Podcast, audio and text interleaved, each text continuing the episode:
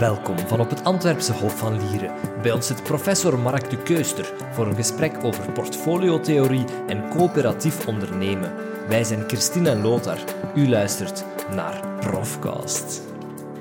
Welkom professor Mark de Keuster, welkom in onze studio.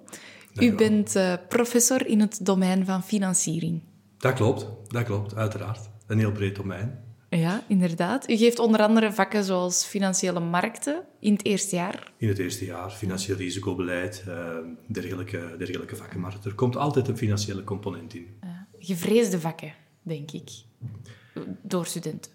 Dat zegt u. Uh, ik zie, ik zie een grote cross-sectie van studenten. Ja. er zijn studenten die dit soort vakdomein of, of dit soort vakken heel, heel erg genegen zijn. Er zijn anderen natuurlijk die de cijfers wat minder graag, uh, graag zien. En die gaan uiteraard wellicht voor andere richtingen kiezen. Maar dat is ook het mooie in onze faculteit, dat we die cross-sectie hebben. Geeft u graag les in het eerste jaar? Ik geef, uh, ik geef heel graag les in het algemeen. En of dat, dat nu uh, eerstejaarsstudenten zijn, of dat zijn masterstudenten, of dat zijn executives, of dat zijn PhD's, of dat zijn zelfs gepensioneerden uh, af en toe. Uh, dat maakt mij eigenlijk niet uit. Het is een, uh, een ik zou zeggen, een, een vaardigheid die ik, die ik heel graag gebruik om mensen verder te helpen, om mensen dingen te leren, om mensen te, te frapperen soms ook met dingen, dingen in vraag te stellen. En dat vind ik het bijzonder leuk aan, aan lesgeven.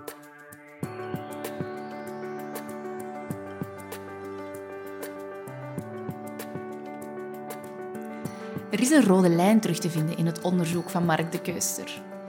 Zelf keer ik altijd heel graag terug naar de portfoliotheorie. Um, portfoliotheorie die, uh, ik denk, altijd gigantisch belangrijk uh, zal blijven.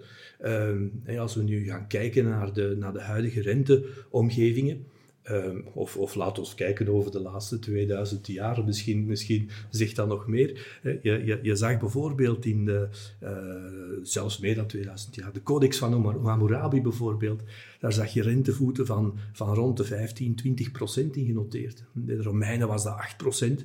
Uh, als je gaat kijken over, over een, een, heel lange tijdspanne, uh, middeleeuwen tot, tot, tot de nieuwe tijd, dan, dan circuleerde of dan varieerde je rond 4%. En nu zijn we eigenlijk rond de nul aanbeland.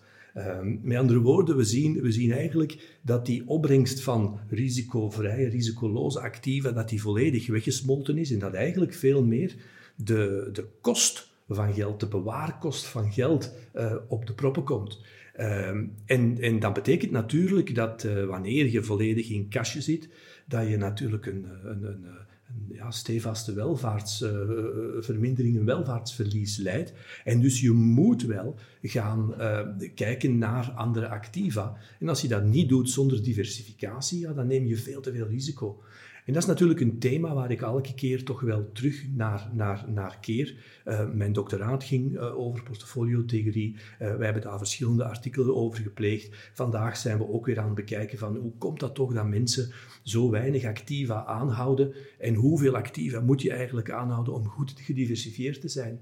Ehm, de literatuur verwijst nog altijd vaak naar heel oude studies. Um, heel oude studies die dan met lage cijfers, 8, 10 assets afkomen. Men spreekt al over gemiddelde. Latere studies spreken over 30 assets, 50 assets. Wij denken zelfs dat dat eigenlijk veel meer hoeft te zijn, omdat je anders gemiddeld gezien misschien wel gediversifieerd bent, maar eigenlijk niet in risicosituaties gediversifieerd bent. En dus je, je ziet, dat zijn thema's die ja, toch altijd wel blijven hangen, waar je altijd naar terugkeert. Uh, en ja, waar, waar eigenlijk ja, grote vraagstukken blijven in hangen. En dat zijn vraagstukken die ons allemaal aanbelangen. Want ik bedoel, iedereen die uh, een vermogen heeft, hoe klein het ook is, uh, zou moeten betrachten om die diversificatie in die portefeuille te krijgen. En dus op dat punt uh, dragen we misschien ook een beetje bij aan die, aan die financiële geletterdheid, die we toch trachten op te krikken in het algemeen. In het algemeen kan u dat, dat iets concreter maken. Dus zegt, iedereen heeft een vermogen, hoe klein ook. En je moet het proberen te diversifiëren, je activa te diversifiëren. Hoe, hoe kan je dat dan doen? Een, um... Wel, ik, ik, denk dat je in de eerste plaats moet kijken naar naar je vermogenssituatie in het groot. En wat we daarmee bedoelen is, je moet alle vermogenscomponenten die je hebt, die moet je eigenlijk eens oplijsten. En dan ga je merken dat er eigenlijk drie uh, soorten families zijn. Er zijn uh, uh, wat je kunt noemen de, de, de superrijken of, of de rijken. ik, ik, ik zet dat nu tussen grote aanhalingstekens. Hè. Maar dat zijn mensen die eigenlijk volledig financieel onafhankelijk zijn. Dat betekent dat wanneer die mensen, stel je voor dat die een ernstig ongeluk zouden krijgen, niet meer kunnen werken, wel voor hen is dat uiteraard bijzonder erg, maar financieel kunnen zij verder. Dat zijn mensen die echt financieel onafhankelijk zijn. En heb je mensen die uh, eigenlijk geen balans hebben. Die hebben eigenlijk enkel maar een inkomens- en uitgavenstaat. Die krijgen hun loon, die consumeren dat loon volledig aan huren, aan leefgelden, noem maar op. En, en ja, die mensen natuurlijk hebben geen activa waar echt iets opgebouwd wordt. En dan heb je die grote middenklasse, die als grootste component vaak in hun vermogen de eigen woning heeft. En ja, daar zie je natuurlijk dat die mensen denken dat zij uh, uh, er goed aan doen uh, van die eigen woning te hebben. Dat is ons ook jaar en dag zo met de pollepel ingelepeld, of met de paplepel wellicht dan ingelepeld. Ehm, maar, maar ja, wanneer je natuurlijk enkel een huis hebt en maar een heel klein spaarpotje daarnaast, dan heb je een bijzonder slecht gediversifieerde portfolio. En dus dat betekent dat je vele dingen weer in vraag moet stellen van is het absoluut noodzakelijk om een huis te hebben? Je moet een thuis hebben, maar moet dat daarom een huis zijn? En wanneer je wat vermogen begint op te bouwen, ja, dan ga je de vraag stellen, ga ik dat nu doen door individuele activa te gaan selecteren? Of ga ik dat doen door in één keer voorgemaakte portfolio's of portfoliostrategieën te kopen?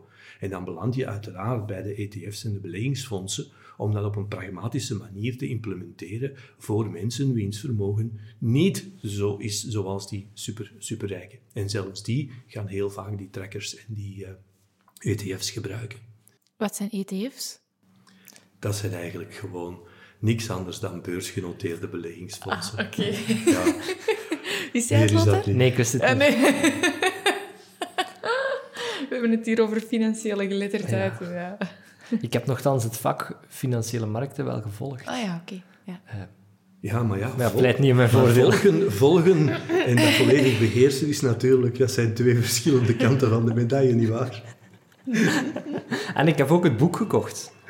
Dat, dat doet mij plezier, maar het doet me nog veel meer plezier als je het leest.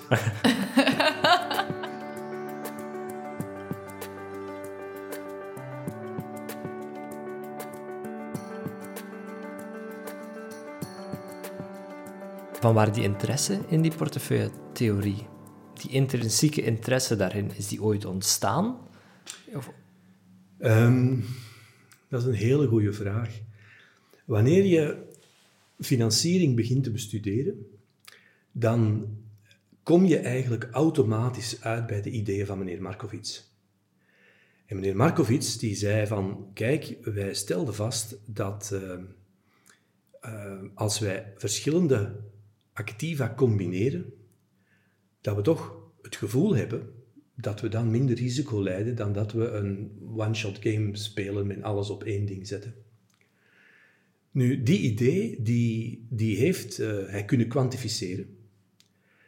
Dat was in de jaren 50 geen evidentie om uh, ja, portefeuilles te berekenen die dan uh, ja, de beste trade-off hadden tussen rendement en risico. Maar hij is daarin geslaagd, heeft daar ook een Nobelprijs voor gekregen.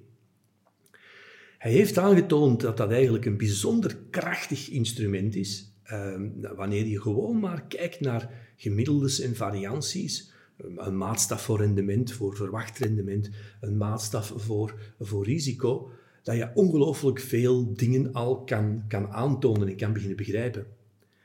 En dan kwam natuurlijk het grote inzicht ook dat wanneer je ergens een activum ziet, dat dat activum zijn risico, ehm, dat dat moet gemeten worden in functie van de portfolio waar iets in terechtkomt. En je gaat dus niet voor alle risico's zomaar vergoed worden. Uh, stel u voor dat ik zou lesgeven en in plaats van rustig achter de katheder te wandelen, op en neer, ijsberend, zoals velen mij zullen kennen, Ehm, ga ik, ehm, dat heb ik niet beter gevonden dan van eh, op, de, op de lessenaar gaan te staan om wat meer show-elementen in te brengen. Wel, de decaan gaat mijn loon niet optrekken omdat ik meer risico's neem. Dus er zijn duidelijk risico's die mensen nemen, maar waar geen vergoeding tegenover staat. En dat komt allemaal uit die portefeuilletheorie. Dus hoe je dat draait of keert, alle belangrijke ideeën in finance komen eigenlijk terug door het feit dat wij portfolio's kunnen maken. Dat gaat ook naar het, waarderen van opties. Wij waarderen een optie door een portefeuille te maken die de kaststromen repliceert van die optie. Terug zit je met, met, met die portefeuille-idee. Dus het is eigenlijk iets dat heel fundamenteel is en ja, ik ben daarmee dan eigenlijk in de jaren 50 misschien blijven hangen hè, met, die, met die basisideeën, maar ze zijn nog altijd ongelooflijk actueel. En het, het, goed implementeren, daar is natuurlijk de laatste 50, 70 jaar heel wat, uh, wat ja, literatuur over, over. Maar het blijft een kernidee.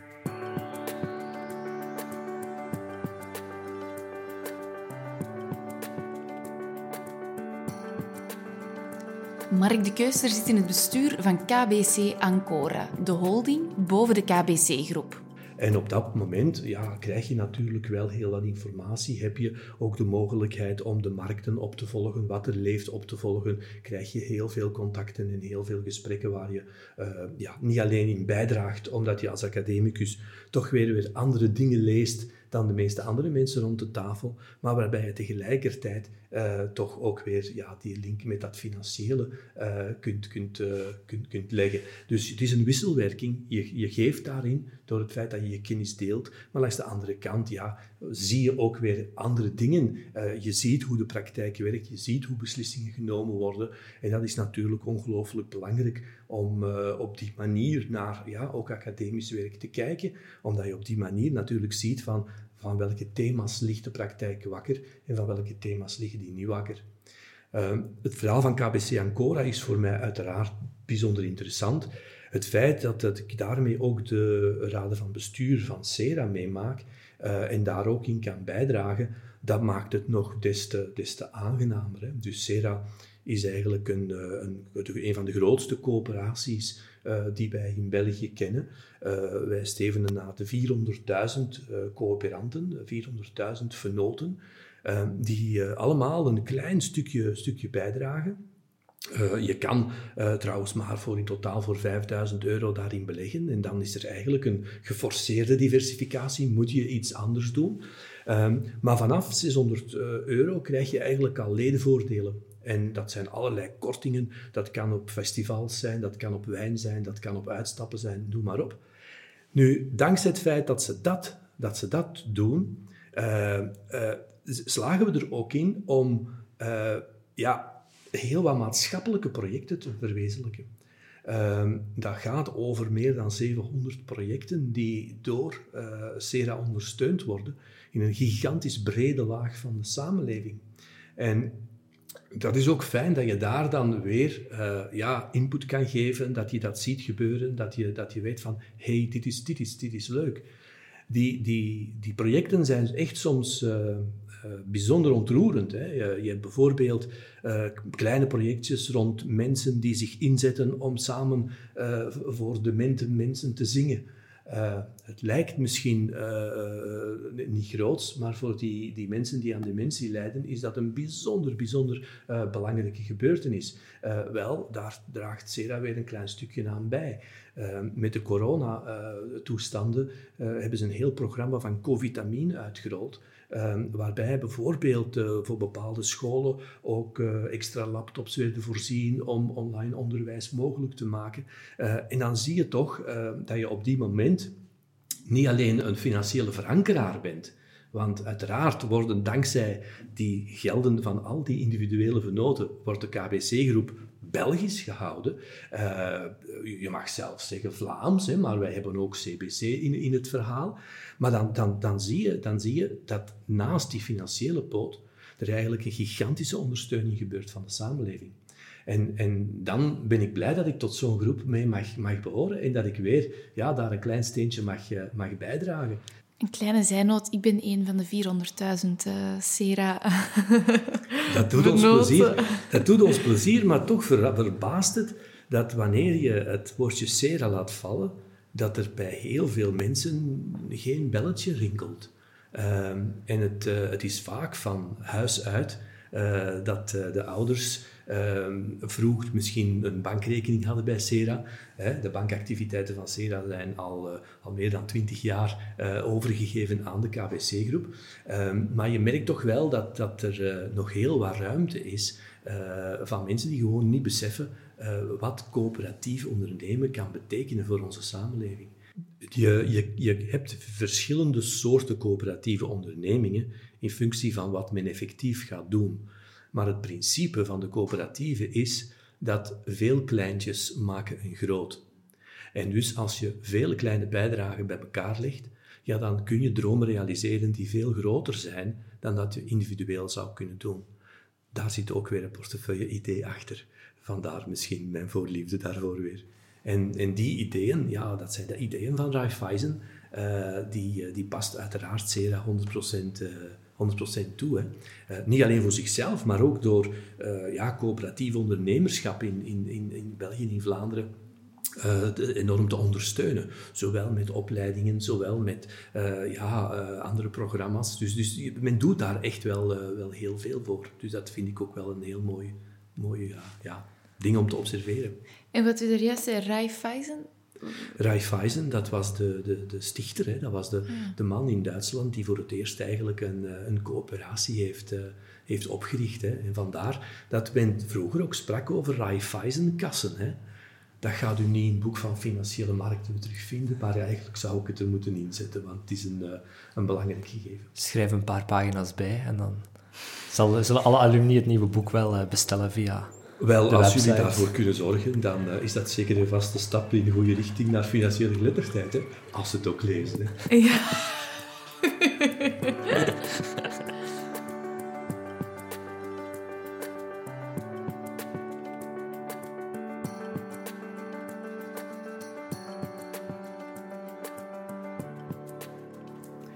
Wanneer ik kijk naar, naar het bankwezen bijvoorbeeld, dan hadden wij vroeger een... Uh, systeem waar we werkten met kantoren. En mensen gingen naar het kantoor uh, als ze iets moesten gedaan hebben van de bank. Als je naar de maatschappij van vandaag kijkt, dan merk je, uh, als je aan jonge mensen vraagt hoe lang is het geleden dat je in een bankkantoor geweest bent, meestal is dat heel lang, tenzij men juist een huis gekocht heeft uh, of, of, iets dergelijks. Maar, maar anders, anders, de dynamiek is helemaal veranderd. En dan stel je de vraag of dat de dynamiek in lesgeven ehm, in, de, in, in, in de huidige eeuw nog dezelfde moet zijn of gaat zijn als in het verleden. En langs de ene kant, ik geef dolgraag uh, les aan een groep mensen waar dat je interactie kan trachten te bewerkstelligen. Maar je ziet toch wel dat zonder corona zelfs dat wanneer lessen opgenomen worden, dat heel veel studenten ervoor opteren om die les thuis te bekijken. Met andere woorden, wij zien eigenlijk een veranderd gedrag bij studenten. En bij mij is dat zelfs hard opgevallen, omdat ik tot pakweg drie, vier jaar geleden uh, altijd met een nokvolle aula geconfronteerd werd. En toch zie je dat aantal stilletjes aan afnemen. En dan moet je natuurlijk de vraag stellen, als je met lesgeven begaan bent, van hoe moeten we daar naar kijken, hoe moeten we daarmee omgaan, hoe kunnen we dat, hoe kunnen we dat gaan, hoe kunnen wij onze lesgeefstijlen gaan aanpassen aan die blijkbaar veranderende noden van klanten. Want hoe dat je draait of keert, wij moeten in het onderwijs veel meer marktgericht gaan denken dan dat wij dat in het verleden gedaan hebben. Uh, wij, wij verkopen ook een product. Wij verkopen opties opties op een toekomst. Ja, dat is omdat ik natuurlijk een financiële persoon ben dat ik dat zie in termen van opties. Maar een student die oefent die optie uit om bij ons te komen studeren. Uh, uh, hij koopt die optie en hij oefent ze dan later hopelijk uit. Uh, maar, maar daar moeten we over nadenken. En, en dan merk je dat ehm, die coronacrisis ons althans zeker en vast mij, maar ik neem aan ook al mijn collega's, versneld doet nadenken over hoe pak ik dat goed aan om een pedagogisch project waar te maken. Wat zijn de grootste hindernissen om naar zo'n digitale strategie te gaan? Change. Zijn, change, ja. Change management. De ijsberg. Ehm, de ijsberg die aan het smelten is. Dat is een uh, boekje in management dat nogal vrij, vrij bekend is. Ehm, maar maar mensen zien het niet. Mensen vinden niet dat ze dat nodig hebben. Uh, de directe payoff is er niet. Uh, want het kost heel veel tijd om zoiets op te zetten. Dus een digitale strategie uitrollen betekent ook dat je eigenlijk heel veel van het uh, technische werk uit de prof zijn handen moet nemen. De prof moet, uh, uh, moet er zijn om de kennis over te dragen, moet er zijn om, om dingen op te stellen. Ehm, maar het gieten in een elektronische vorm zijn dingen ja, die ik uiteraard zelf gedaan heb, omdat het pionieren is, maar waarbij je, bij je moet terugvallen op teams die dat eigenlijk op een professionele manier, manier doen. En dat, dan betekent dat toch wel dat je dat er heel wat meer bij komt kijken dan we nemen een filmpje op en, en dat, dat, dat was het. Uh, wanneer je daar dan nog ja, onderwijskundigen gaat bij betrekken, uh, dan denk ik dat er ook nog heel wat ja, leerervaringsaspecten bij komen. want ik denk ook niet dat het kanaal voor iedereen geschikt is. je, je, je, je merkt dat, dat je studenten hebt die er heel blij mee zijn. Maar je merkt ook dat er studenten zijn die uh, ja, toch liever naar de campus komen. Uh, of dat die naar de campus komen voor de prof of voor hun collega's te zien, dat is een andere vraag. Um, maar je, je, voelt dat je daar verschillende segmenten hebt. En dus als je denkt aan digitale strategie, ja, dan moet je natuurlijk ergens op een harmonieuze manier die dingen beginnen te blenden, uh, zodanig dat je natuurlijk een, een aanbod hebt waarbij ja, voor iedereen uh, een, een mooi traject kan uitgezet worden. Uh, volledig 100% online gaan, ik denk niet dat dat verstandig is. Je moet contactmomenten hebben, je moet discussiemomenten hebben, je moet dingen...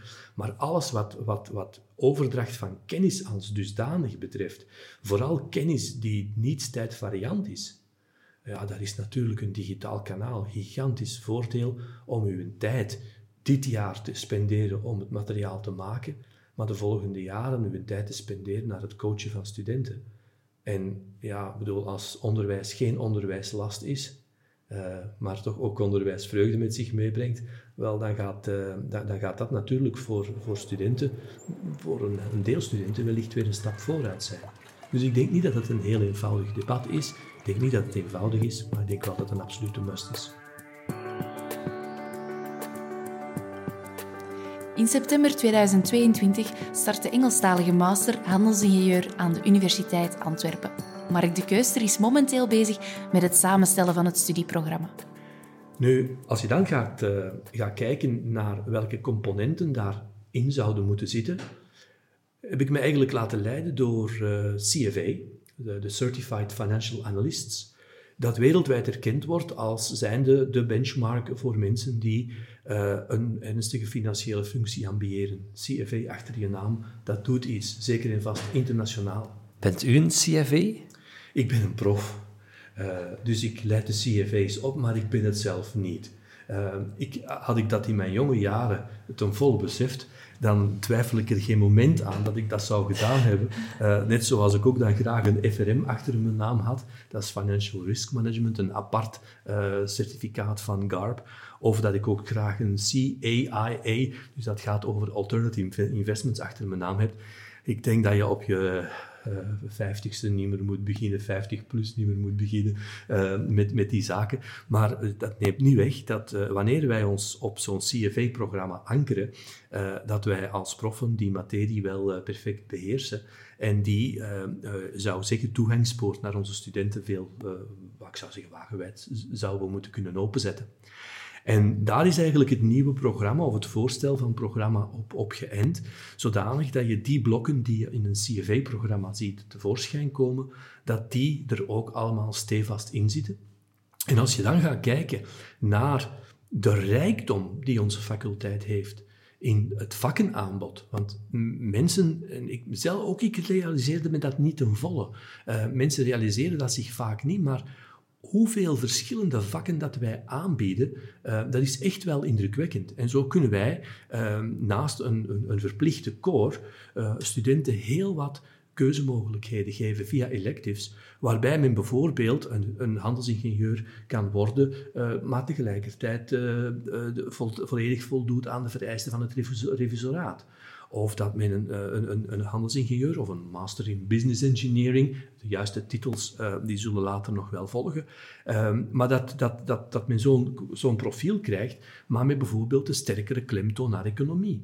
Uh, naar economie, waar je dan macro-economie, monetaire economie, publieke economie, allemaal vakdomeinen die bijvoorbeeld een, uh, een hoofdeconoom op een bank bijzonder sterk nodig heeft. Dus je, je, je, we proberen op die manier dat erin te bouwen.